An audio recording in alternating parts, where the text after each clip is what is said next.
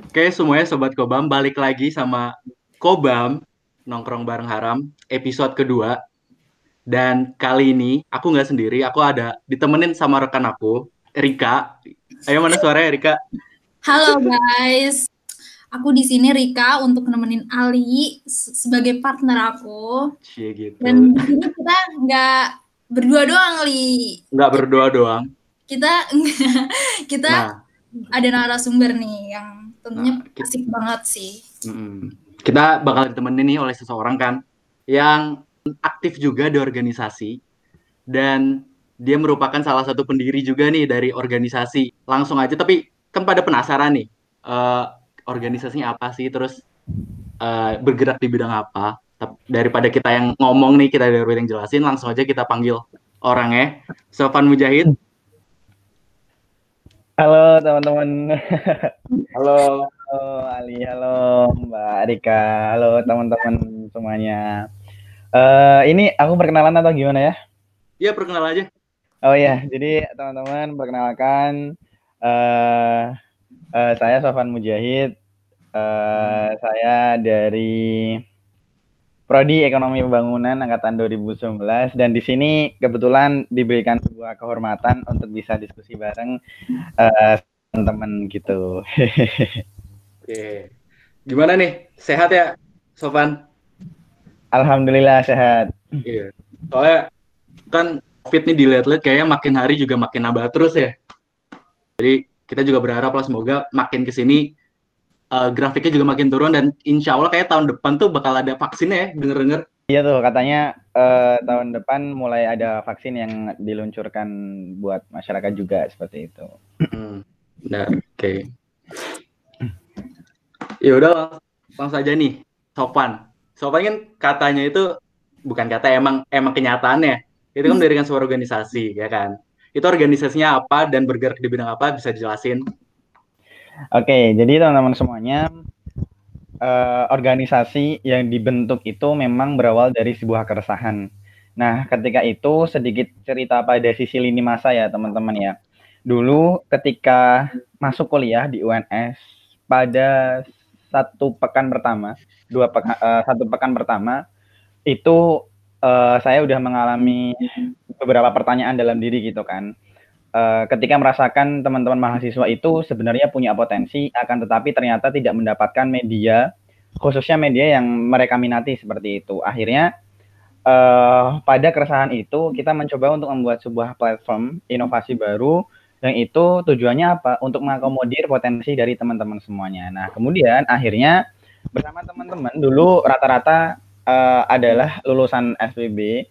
Akhirnya kita mencoba untuk merintis bersama-sama sebuah komunitas yang ke depannya mencoba untuk menjadi lembaga dan ke depannya akan menjadi hal yang lebih besar lagi. Dan kita untuk mencoba nama yang lebih applicable, yang lebih bisa dipakai pada berbagai kegia- kegiatan gitu kan. Akhirnya kita mencetuskan yang namanya bersama bisa seperti itu. Walaupun ini sebenarnya belum mencapai satu tahun, akan tapi kita berusaha untuk terus mengembangkan dan terus mengoptimalkan seperti itu.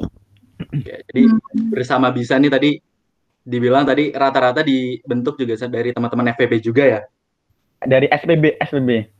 Oh SPB ya, oh, SPB. Iya, Dan ini mau jalan satu tahun ya. iya, hampir satu tahun. Hmm. Jadinya tuh di balik eh, di balik bersama bisa ini orang-orangnya siapa aja sih yang merintis gitu? Eh, oh iya, orang-orangnya yang merintis itu sebenarnya banyak. Nah, Hmm. jadi co-foundernya itu sebenarnya ada sekitar 30 gitu kan, 30-an. Tapi ada beberapa dalam artian kan kita punya pemikir utama gitu kan. Hmm. eh, main konseptor gitu. Nah, eh, di anak-anak BEM juga banyak kok. Jadi ada eh, ada namanya Akhyar, ada namanya Zulfar, ada namanya Kia, ada namanya eh, Aisyah Mukminah, ada namanya Teku dan dan banyak lagi gitu kan. Dan memang akhirnya kenapa kita bisa membuat itu? Yang pertama karena kita memiliki satu frekuensi yang sama, kita memiliki keresahan yang sama, dan kita punya komitmen untuk bergerak secara kolektif. Terus dari bersama bisa ini tuh masuknya ke komunitas atau organisasi?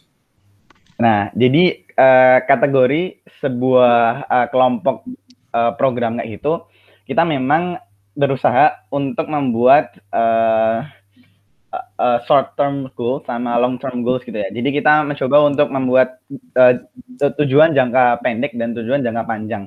Sebenarnya kalau misalkan kita berpikir secara jangka panjang, ini bukan hanya sekedar komunitas ya, akan tapi ini nanti menjadi sebuah lembaga. Lembaga besar yang akhirnya bisa mengakomodir dari berbagai aspek-aspek kehidupan. Tapi secara jangka pendek di dalam kampus kita masih berada pada uh, status komunitas bisa dianggap sebagai komunitas gitu ya. Akan tapi ke depannya kita mencoba untuk menjadi sebuah rumah induk yang akhirnya menghasilkan entitas-entitas baru dari masing-masing potensial teman-teman.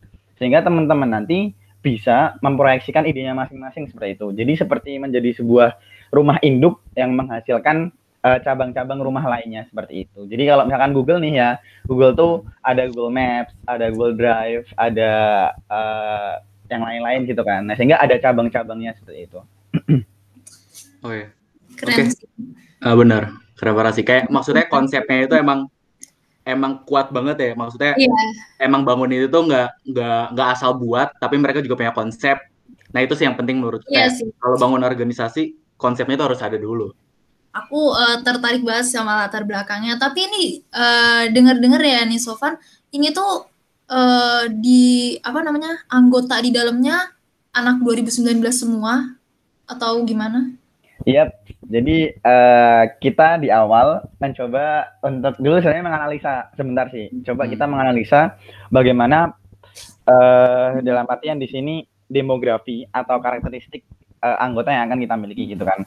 Karena yang hmm. merintis adalah anak 2019 dan kemudian ketika kita nanti memasukkan angkatan di atas kita, kita rasanya akan sedikit tanggung gitu kan sehingga iklim di organisasinya akan nggak terlalu baik gitu kan akhirnya mencoba kita fokus untuk memberdayakan teman-teman di 2019 nah sehingga kita ada kita memberikan batasan pada 2019 akan tapi di tahun depan kita akan bersama angkatan 2020 kemudian 2021 2023 2024 dan selanjutnya sehingga start point kita ada di angkatan 2019 seperti itu Oh. Oke. Okay. Jadi jadi emang start pointnya itu dari angkatan 2019 dan seterusnya gitu ya. Iya, betul. Berarti uh, aku nggak bisa join ya? Hmm. nah, aku nggak bisa join.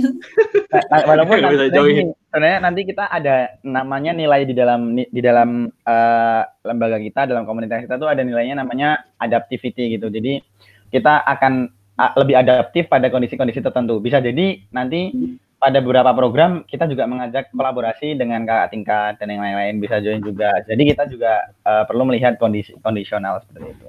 Oh, keren oh ya Van, gini, ini menarik nih. Wah, jadi pas kalau kita ngomongin masalah keanggotaan ya, mm-hmm. jadi dulu pas uh, bersama bisa itu dibentuk, itu kan dimulai dari yang buat Instagram. Mm-hmm. Nah, jadi banyak tuh teman-temanku yang nanya, Li, itu bersama bisa syarat masuknya harus anak BEM ya? Syarat masuknya itu harus anak SPB ya? Karena yang mereka lihat di bersama bisa itu anak-anak SPB. Nah, dari spekulasi itu yang ada, itu jawabannya gimana? Maksudnya, apakah benar hmm. emang itu atau gimana? Uh, uh, yang pertama gini ya, uh, jadi uh, saya coba akan masuk pada konsep bagaimana sese bagaimana seseorang itu bisa mengkrit sesuatu gitu kan. Karena hmm. memang orang ketika bisa mengkrit sesuatu itu ketika punya satu lingkungan yang akhirnya memiliki visi yang sama. Nah, kebetulan karena rata-rata teman-teman uh, itu yang punya visi itu adalah dari teman-teman SBB, oke, okay, berarti rata-rata kan SBB akhirnya munculnya stereotipnya adalah itu apakah khusus untuk BEM gitu kan. Terus kemudian dulu juga pernah pertanyaan seperti itu ketika mau self launching. Nah, kemudian kita jawab, enggak kok, ini bebas gitu kan, semuanya boleh yeah. ikut dan gratis hmm. gitu kan dan dan nanti akan ada seminar di FK kemudian ada snacknya juga gitu kan dan ada pembicara juga dan yang lain-lain hmm. jadi kita mencoba untuk bersifat moderat dalam artian nggak nggak tidak mengeksklusifkan diri seperti itu uh, sehingga untuk mahasiswa 2019 pada waktu itu semuanya dari kalangan fakultas mana pun, dari uh, organisasi mana pun atau yang non organisasi pun juga bisa ikut serta kayak gitu.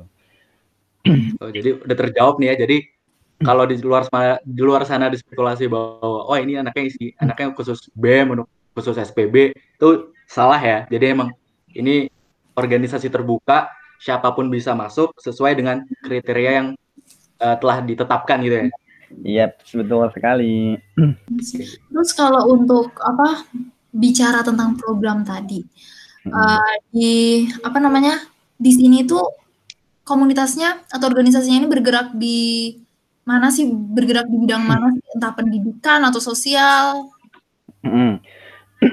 Jadi kan kita memang uh, akhirnya memiliki proyeksi lima tahun, 10 tahun ke depan itu menjadi sebuah lembaga besar sehingga kita tidak Amin. boleh tidak boleh untuk uh, tertutup pada ruang lingkup pemikiran yang kecil. Akhirnya kita mengambil pada empat sektor strategis yang kita fokuskan seperti itu. Empat sektor itu apa aja? Sektor pertama adalah social and education development. Di situ kita bergerak pada sisi social care dan juga pengembangan pendidikan. Yang kedua adalah tentang sektor character building. Di situ kita mencoba untuk meningkatkan pot uh, potensi, skill dan juga uh, karakter uh, dari teman-teman. Yang ketiga, sektornya adalah tentang teknologi development karena memang zaman sekarang itu dituntut kita untuk uh, beradaptasi pada sisi modernitas. Akhirnya kita mengambil uh, apa namanya sektor teknologi development. Yang sektor keempat adalah sektor uh, economic sharing gitu ya. Karena economic sharing ini menjadi variabel dasar pada apa namanya pada siap sisi kemanusiaan gitu sehingga economic sharing ini juga perlu kita tanamkan seperti itu sehingga dari keempat uh, sektor itu tadi akhirnya kita mencoba untuk merumuskan masing-masing program dari beberapa sektor tersebut sesuai dengan tupoksinya sesuai dengan fungsinya dan sesuai dengan nanti goalsnya atau outputnya akan seperti apa seperti itu. Oke. Okay. Ini, Jadi komun apa komunitas ini tuh baru ada satu-satunya di UNS nggak sih yang mencakup semuanya? Iya. Yeah. Soalnya kan, uh, komunitas di UNS tuh uh, ke arah bidang pendidikan, terus sosial, hmm. ini mencakup semua. Oh iya, ini mencakup semua ya? Ini mencakup semua, Li. gitu. Terus dari kegiatan oh, iya sendiri, uh, itu gimana sih, Sof? Oh ya, jadi kegiatannya Jadi uh, dari dari saya sendiri, apa ya betul, uh, tidak pernah. Yang pertama tidak pernah uh, apa namanya ingin mencoba untuk membuka ruang bagi teman-teman berdiskusi dan merencanakan program-programnya. Dan program-program kita memang berbasis pada uh, problematika yang ada di lapangan atau di masyarakat sekitar ataupun di mahasiswa maupun di uh, skala nasional seperti itu.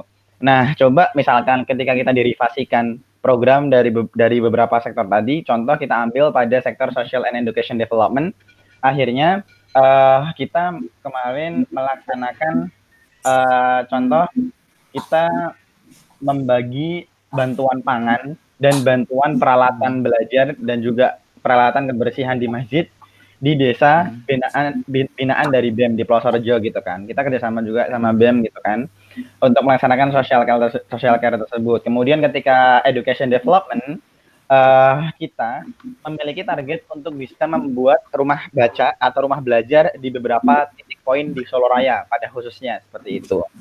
Dan akhirnya uh, sudah ada beberapa uh, rumah baca rumah baca yang itu bisa kita ingin rencanakan program di situ seperti itu. Nah, itu pada sektor social and education. Kemudian pada sektor character building, ini sebenarnya lebih kepada menyentuh human resource gitu kan, lebih kepada sumber daya manusia. Nah, character building ini uh, narasi yang pertama kita angkat adalah tentang literasi, tentang membaca, tentang menulis seperti itu, sehingga uh, supaya minat tentang hal-hal literasi itu meningkat. Nah, salah satu program yang kita berbasis digital juga itu ada narasi bersama. Nah, teman-teman bisa kok buka narasi.bersama.id. Nah, itu semacam platform untuk teman-teman yang suka menulis akhirnya bisa ditampilkan di sebuah web gitu kan. Nah, dan link webnya itu ditampilkan di bio dari Instagram bersama bisa seperti itu. Sehingga terkadang kan uh, untuk penulis pemula itu masih insecure gimana ya tulisannya ini hmm. uh, kalah sama yang lain gitu kan. Nah, tapi padahal untuk meningkatkan literasi hal-hal mental block seperti itu perlu dihindari. Nah, sehingga kita mencoba untuk menciptakan self confidence dari teman-teman supaya tulisannya itu oh bisa kok di up di sini gitu kan. Nah, akhirnya itu berjalan. Nah, kemudian itu pada sektor uh, character building, kemudian teknologi development uh, kita lebih kepada ini sih konten-konten di Instagram, kemudian uh, hal-hal yang memang bersifat teknologi gitu kan. Kemudian juga rencana sebenarnya mau buat startup uh, walaupun oh, startup. Iya, karena teman-teman punya hmm jadi tim kita juga ada web developernya, ada empat, hmm. ada empat tim web developer dan uh, kita coba udah membuat desain sprintnya. Kalau di startup itu kan metodenya adalah desain sprint seperti itu. dan kemudian pada economic sharing kita lebih kepada salah satunya berbi- uh, diskusi tentang bisnis, bisnis talk dan yang lain-lain. Kemudian ada donasi-donasi hmm. seperti itu. Jadi keempat sektor itu kita sudah memiliki beberapa program yang semoga ke depannya masih bisa melaksanakan hal yang lebih baik lagi. Ini udah oprek belum sih bersama hmm. Kalau oprek itu kan udah 2019 lalu mbak, jadi oh. uh, pas hmm. launching. Nah itu oprek untuk angkatan 2019. Nah kemudian untuk oprek di tahun 2020 nanti pasti akan ada juga. Berarti nanti angkatan 2019 pun yang sekarang belum menjadi anggota bisa daftar ya? Oh ya bisa. Oke. Okay. Oh iya, ini ini menarik. Pembicara makin menarik karena aku tadi sempat uh, lewat gitu, kebayang nih di pikiran. Jadi kalau kita bahas organisasi itu kan pasti nggak jauh dari yang namanya dana ya kan. Nah, kayak tadi tuh ada beberapa kegiatan kayak karakter building, social care, kayak ikut membantu dan dan lain sebagainya. Nah, itu gimana sih sistem keuangan yang ada di bersama bisa ini? Kayak maksudnya pendapatannya dari mana dan um, outputnya dalam bentuk apa? Karena kan kalau selama ini kita lihat nih banyak beberapa organisasi justru yang tidak jalan karena masalah keuangan. Nah, kalau dari bersama bisa sendiri itu bagaimana mengatur atau mengelola keuangan itu?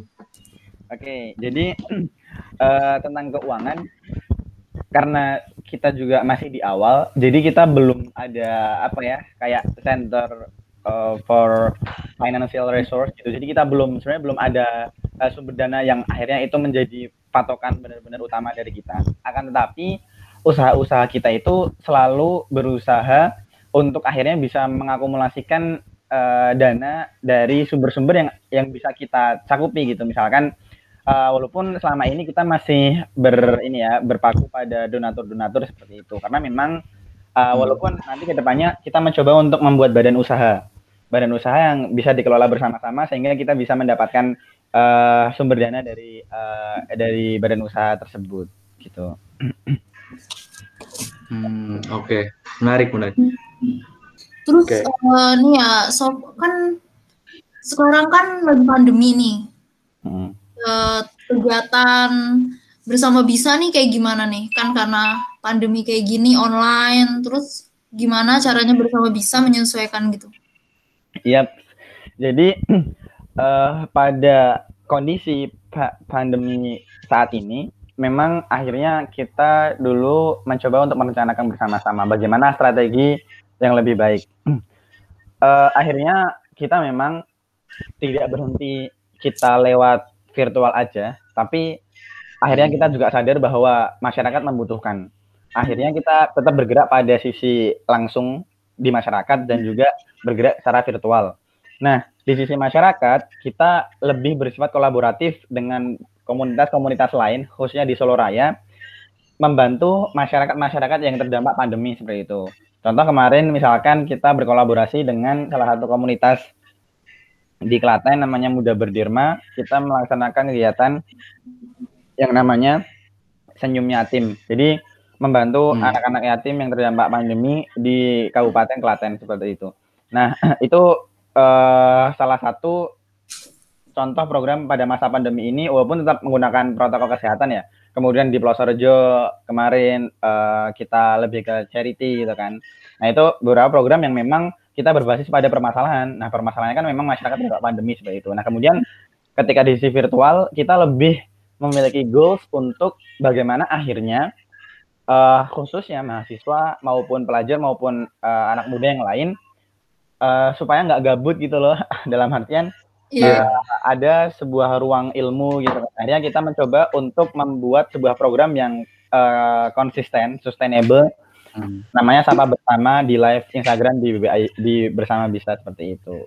Nah, jadi uh, kita mencoba untuk bergerak pada dua sektor, dua apa namanya, dua tempat secara langsung. Anyway, uh, kita nggak sekarang ngomong di luar bersama bisa dulu nih, istirahat dulu nih. Oke, okay, oke, okay, oke. Okay. Jadi, ya, oke, okay, di luar bersama bisa. Jadi kemarin tuh sempat lihat-lihat juga nih postingan. Nah, ternyata tuh lu itu ini ya uh, kamu ini ini ini ya apa dulu itu mantan ketua osis nasional ya kalau nggak salah. Bener gak sih? Ya gila itu. diamanahin nih. Wow itu gimana prosesnya Van? Karena dulu tuh ya pas zaman SMA aku ngurus ke osis di sekolah SMA aja itu udah kelenger itu. Ya ini nasional itu gimana ceritanya dulu kok bisa nyampe jadi ketua osis nasional tuh gimana ceritanya Oh ya. Oh ya, bentar, bentar. Kamu SMA mana dulu? Dulu aku SMA Tangerang. Oh, Tangerang. Di oh, iya. SMA satu Tangerang. Jadi Oh, SMA ya, Tangerang. Hmm. Iya, beneran? Oh. Iya, aku punya nah, punya teman di situ juga. Malah ngobrol sendiri. Siapa tuh? Uh, tapi adik kelas sih. Uh, adik kelas. Oh, adik kelas. Ya, uh, ketua OSIS yang kemarin yang adik kelas kita. Oh, kamu punya teman di Depok juga nggak? Aku di Depok nih. SMA, SMA berapa, Mbak? Aku di Depok. Uh, jadi oke, okay, kita kembali ya. Uh, ceritanya Gimana? dulu ya. ceritanya tuh dulu sebenarnya uh, ini sih. Hmm. Aku mulai cerita dari dari SMA aja ya, karena emang perjalanannya runtut sebenarnya. Hmm. Jadi di SMA itu memang dulu dicalonkan, disuruh teman-teman maju untuk kalau dulu namanya presiden OSIS di di SMA. Jadi bukan ketua OSIS tapi namanya presiden OSIS. Nah, jadi dulu di SMA uh, dapat amanah presiden OSIS. Kemudian uh, dikirim ke Semarang. Dikirim ke Semarang ada pelatihan ketua OSIS. Beberapa ketua OSIS terbaik se-Jawa Tengah di Semarang. Hmm. Uh, di situ perkumpulan dari teman-teman OSIS se-Jawa Tengah. Nah, kemudian ternyata namanya hmm. namanya Jawa Tengah Leadership Project. Nah, nah di situ juga ada pemilihan ketua umum Forum OSIS Jawa Tengah. Nah, kebetulan di situ yeah. uh, ketika musyawarah ya dipilih gitu loh hmm. jadi jadi disuruh maju jadi ketua umum forum osis Jawa Tengah jadi sebelum di nasional tuh sebenarnya uh, saya dapat amanah di ketua umum forum osis Jawa Tengah nah akhirnya uh, dapat amanah itu harus keliling di Jawa Tengah jadi sering naik kereta jadi di weekend itu kan dulu saya kan sekolahnya asrama ya jadi nggak nggak boleh mudah keluar kayak gitu Uh, kemudian dulu juga harus ngurus internal di sekolah, ngurus lomba-lomba juga di sekolah, terus kegiatan ngeimbangin kegiatan asrama juga gitu kan. Walaupun akhirnya ada jadwal tersendiri akhir pekan coba Solo Semarang, Solo Semarang, kadang Semarang, Tegal, Brebes, Pekalongan, yeah. Magelang dan yang lain-lain. Dan ada uh. satu momen yang itu benar-benar berkesan ketika bisa duduk bersama Pak Gubernur Jawa Tengah langsung uh. di samping gitu kan membicarakan Pak Ganjar. Iya, mendiskusikan tentang uh, problematika pendidikan di Jawa Tengah. Nah, kemudian kelas 12 ya kan, hmm. itu di sekolah udah selesai amanahnya. Iya, kelas 12. Di Jawa Tengah amanahnya udah selesai. Uh. Eh, ternyata saya di Itu berarti setahun ya? Apa? Gimana? Di Jawa Tengah itu setahun periodenya. Iya, setahun. Iya, setahun. uh. Sekolah sekolah uh. satu tahun, Jawa Tengah satu tahun. Itu kelas 11, kemudian kelas 12. Eh, ternyata dikirim uh, ke UI gitu kan karena pemilihan ketua forum osis nasional ada di UI forum osis nusantara ada di UI gitu kan itu dulu pada kegiatan nasional uh, uh, Indonesian Student Leadership Camp gitu kan di Universitas Indonesia nah dari berbagai macam ini sih mbak dari berbagai daerah ada yang di Sunda ada yang dari uh, Sumatera ada yang dari uh, Sulawesi Kalimantan hmm. dan yang lain-lain gitu Nah, ternyata juga disuruh maju jadi ketua. Ya, ya udah akhirnya kepilih kelas 12 gitu kan wala walaupun harusnya uh, fokus ujian dan yang lain-lain. Jadi dulu masih fokus yeah. untuk keliling uh, di daerah-daerah kayak gitu. Ya, begitu cerita sederhananya. Dan terpilih menjadi koordinator pusat forum OSIS Nusantara. Ya benar nggak? Iya. Ya, ya. Yes. Di, kalau diruntuhin organisasinya Sofan banyak banget. enggak, enggak. Kayaknya hobinya Sofan ini sibuk dia. Kayaknya Sofan tidak pernah merasakan gabut. Sebenarnya gabut pernah kok mbak. Jadi kadang juga ini ya sedikit cerita ya. Jadi banyak juga teman-teman yang bertanya, Van kalau kamu gabut tuh sebenarnya ngapain gitu kan? Banyak banget yang nanya gitu. Nah kalau saya, kalau saya sendiri dari perspektif saya, gabut itu dibagi menjadi tiga kategori, ya kan? Jadi saya tuh, tuh? jadi gabut itu nggak sekedar gabut gitu loh, tapi gabut itu hmm. di, dibagi tiga kategori dengan latar belakang asal usulnya gitu kan. Satu, gabut karena capek. Hmm. Ya solusinya adalah istirahat. Gabut karena capek. Uh, itu gabut karena hmm. latar belakangnya adalah capek. Kemudian gabut karena jenuh uh, untuk ngurus sesuatu. Pernah kan kita misalkan, buh banyak banget hmm. gitu. Akhirnya ah enggak lah gitu kan. Akhirnya coba uh, jadi malas ngapa-ngapain gitu kan. Nah, jadi kalau yang kedua gabut karena jenuh melakukan sesuatu, coba kita mencoba uh, refresh terlebih dahulu. Uh, keluar dari rutinitas yang menyibukkan, kemudian refresh gitu kan. Itu gabut kategori dua. Nah, gabut kategori tiga itu kategori ketiga uh, kategori ketiga itu gabut karena kita bingung mau ngapa-ngapain gitu kan. Nah kalau kadang saya pada titik itu saya nyari nyari apa namanya nyari informasi lomba sama uh, nulis di blog sama kalau enggak konsep perencanaan perencanaan jangka panjang kayak gitu. Wow Sofan itu gabut nambah prestasi li. Iya makanya. Malah kadang gabut mending tidur gabutnya gabutnya yang ketiga yang golongan tiga. Nggak.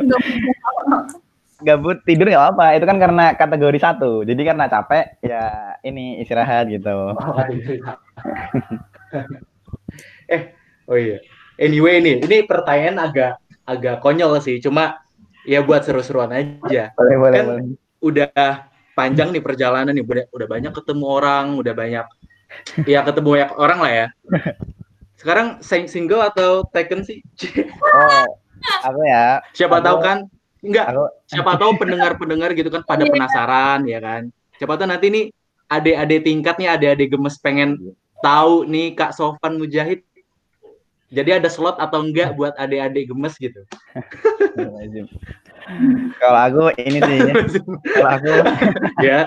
Aku aku prinsipnya aku prinsipnya single bersabar sampai halal gitu. Iya. Yeah. Hmm? kan. Wih, berat. Wah, jadi tamparan yang sangat keras.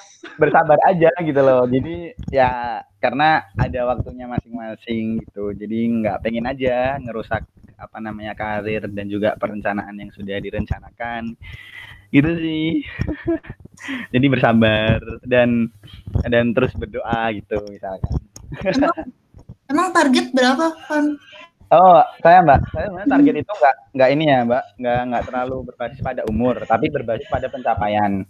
Hmm. jadi hmm. contoh uh, pencapaian sopan udah rata-rata udah gitu umur dua-dua bisa gitu. ya, ya, Emang kalau Gimana? Gimana Emang kalau Rika target kapan? Ya, jadi sebenarnya kalau ada batas, batasnya mungkin saya di umur 25 mungkin. Nah, jadi targetnya ada beberapa pencapaian yang yang perlu diselesaikan gitu kan. Nah, walaupun ada capaian akademis, ada capaian di masyarakat, ada capaian karya juga dan ada capaian buat orang tua juga kayak itu. Ya, gitu.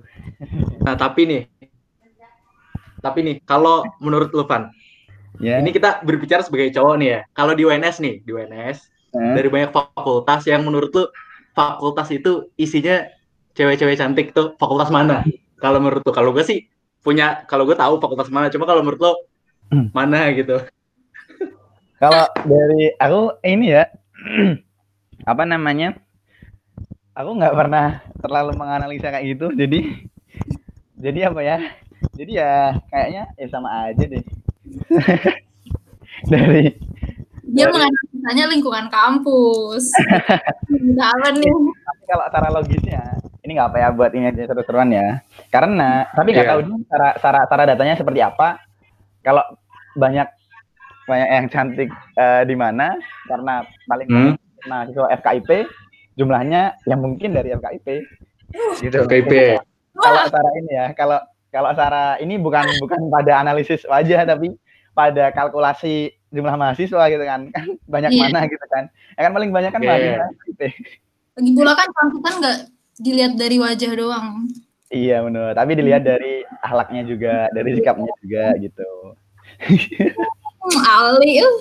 Kalau menurut lu, Rik, fakultas yang isinya cogan, fakultas mana? Waduh. Teknik ya? iya teknik tuh keren banget nih apalagi ah, ini Yo, elektro keren banget elektro keren banget tuh di situ Wih. nih jadi apa namanya jiwanya itu jiwa itu jiwa li- jiwa maskulin gitu ya kelihatan banget maskulin gitu Balik lagi kali ya. Sekarang kita Hmm. balik lagi nih ke benang merah nih. Ngomongin organisasi lagi. Van, jadi gini Van. Misalnya nih, kan kamu pendiri organisasi nih. Iya Ya, halo? Founder dan. CEO-nya lo ini. founder. Nah, misal nih, seandainya nih kayak aku atau Rika pengen buat organisasi, Hmm. itu ada secara apa ya? Secara rules-nya atau secara hukumnya ada nggak sih? Gimana kayak step-step mau ikut organisasi gitu? oh mau ikut atau Masih, mau maksudnya. ini mau, Mau- membuat Bikin, oh mau bikin ada mau Jadi buat, mau buat ada dari jadi sebenarnya Hmm. ada sisi sisi non teknis dan ada sisi teknis nah eh, semua itu memang akan dibangun ini ya. Kita sepakat bahwa organisasi itu layaknya bangunan. Nah sehingga dari analogi itu pun kita udah tahu bagaimana harus membuat sebuah organisasi itu diawali dari membangun pondasinya dari membangun landasan-landasannya.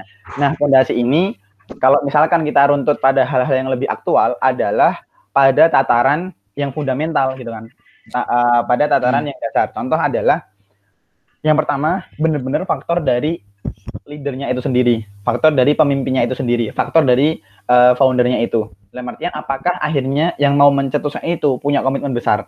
Itu menjadi apa namanya landasan awal untuk membuat eh, apa namanya organisasi. Eh, contoh misalkan ketika kita punya konsep bagus tapi kita nggak punya komitmen ya udah hanya sebatas konsep gitu loh. Ya kan? Sehingga eh, di awal pada dasar pada sisi fundamental kita perlu komitmen kita kita perlu punya visi kita perlu punya grand design kita perlu punya tim. Jadi eh, itu. Nah eh, kemudian secara secara gampangnya ada beberapa syarat kemenangan untuk bisa membuat sebuah organisasi. Jadi ada empat prinsip. Yang pertama adalah winning goals.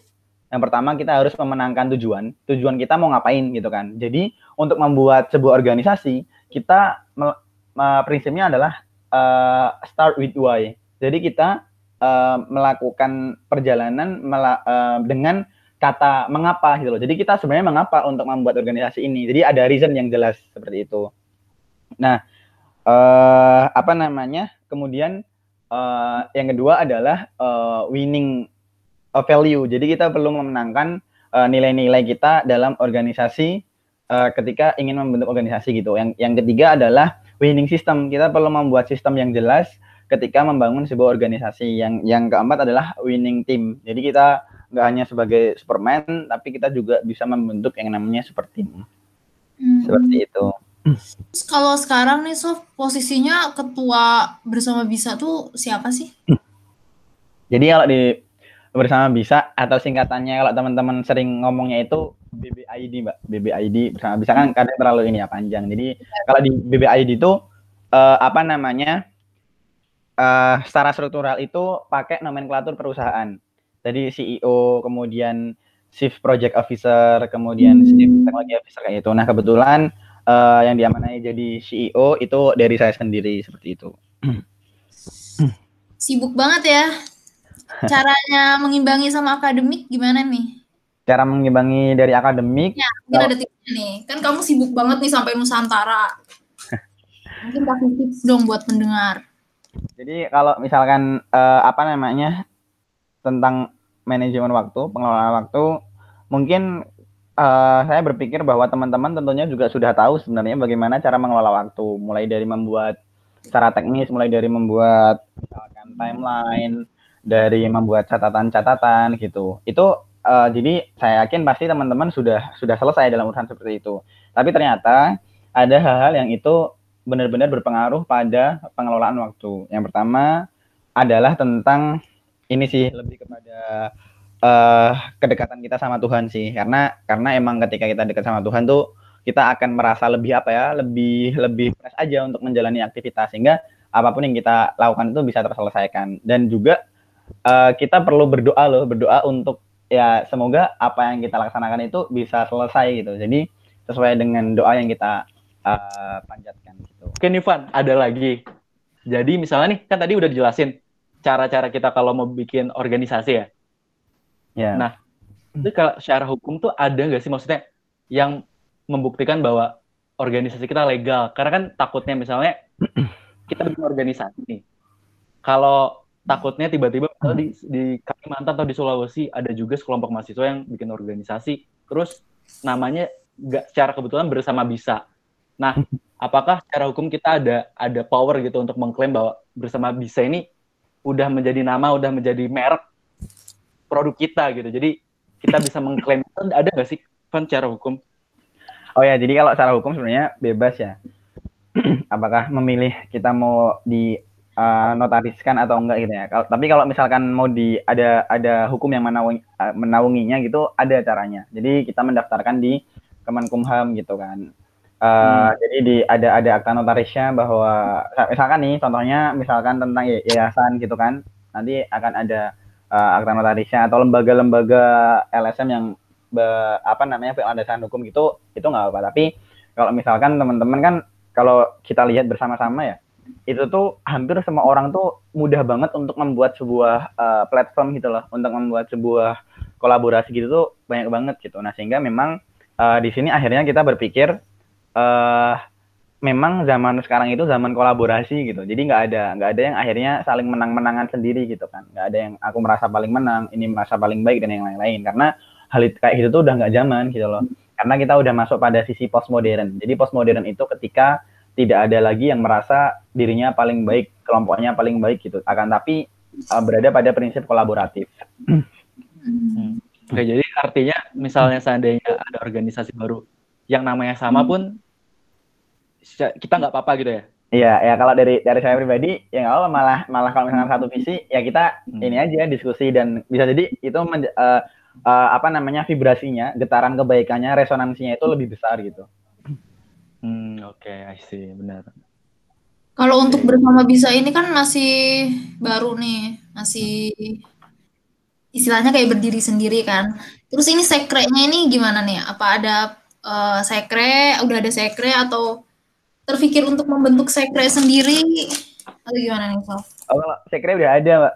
Sekre kita ada tiga opsi sekre malahan sebenarnya. Jadi kita ada uh, tapi kan uh, tapi apa namanya? Kalau di sur di kop surat di kop surat yang kita buat hmm. itu uh, sekrenya ada di apa namanya ada di tempatnya teman kita gitu ada di tempatnya sekretaris kita langsung kayak gitu walaupun hmm. sebenarnya ada ada ada tiga opsi lain gitu tapi beberapa tempat yang lain itu khusus untuk apa namanya kita untuk rapat dan yang lain-lain gitu tapi untuk administrasi dan yang lain-lain itu ada di tempatnya sekre sekretaris maksudnya sekretaris general sekretarinya langsung Berarti hmm. uh, di UNS-nya sendiri belum ada uh, di nggak ada sekrenya bukan belum nggak di UNS sendiri ya? Uh, enggak, jadi bu, kita bukan di internal UNS tapi memang kita akhirnya punya tempat di luar UNS gitu. Kayak udah ngalor ngidul ya kita. udah panjang banget. Udah panjang deh pokoknya. Udah panjang ya. Udah mas. Semoga. Aku aja. Enggak, aku juga. Emang, emang karena ini juga kayaknya kan ini organisasi baru juga ya maksudnya yep. dengan adanya yeah. dengan ada podcast ini kita juga berharap bisa menjadi marketing juga bisa menjadi branding juga biar mungkin uh, mahasiswa-mahasiswa NUS juga makin kenal kalau emang ada organisasi bersama bisa gitu. Itu aja kalian ya, nanti oh ya nanti perlu diingetin lagi mungkin dari para pendengar Kobam nih nongkrong bareng Haram. Kalau yang pengen daftar dibukanya kapan, Stefan? Apa yang daftar ini ya? 2020 ya. Oh 2020. Nah untuk 2020 itu nanti tunggu ya, tunggu uh, apa namanya uh, momen momen terbaiknya. Jadi kan pasti kan nanti kan di awal-awal itu kan banyak ini ya, banyak banget PKMB, kemudian sekolah kaderisasi, uh, organisasi-organisasi gitu. Nah, dan nanti uh, nunggu nunggu momen itu selesai dan kemudian kita mencoba untuk uh, merencanakan deklarasi setelah itu gitu. pantengin aja terus Instagramnya bersama bisa dot id. Iya. .id. .id. Ya, ya, Oke. betul. Terima kasih Sofan udah hadir di podcast kita. Oke. Makasih Gimana, Van sudah meluangkan waktunya untuk ngobrol bareng Rika dan Ali. Iya, thank you banget nih banyak. Kita juga banyak belajar ya dari dari Lufan. Ya, aku sih banyak banget nih ngambil pelajaran dari Sofan ini. Jadi sekian dari gue Ali. Dan, Dan juga aku Rika. dan bye.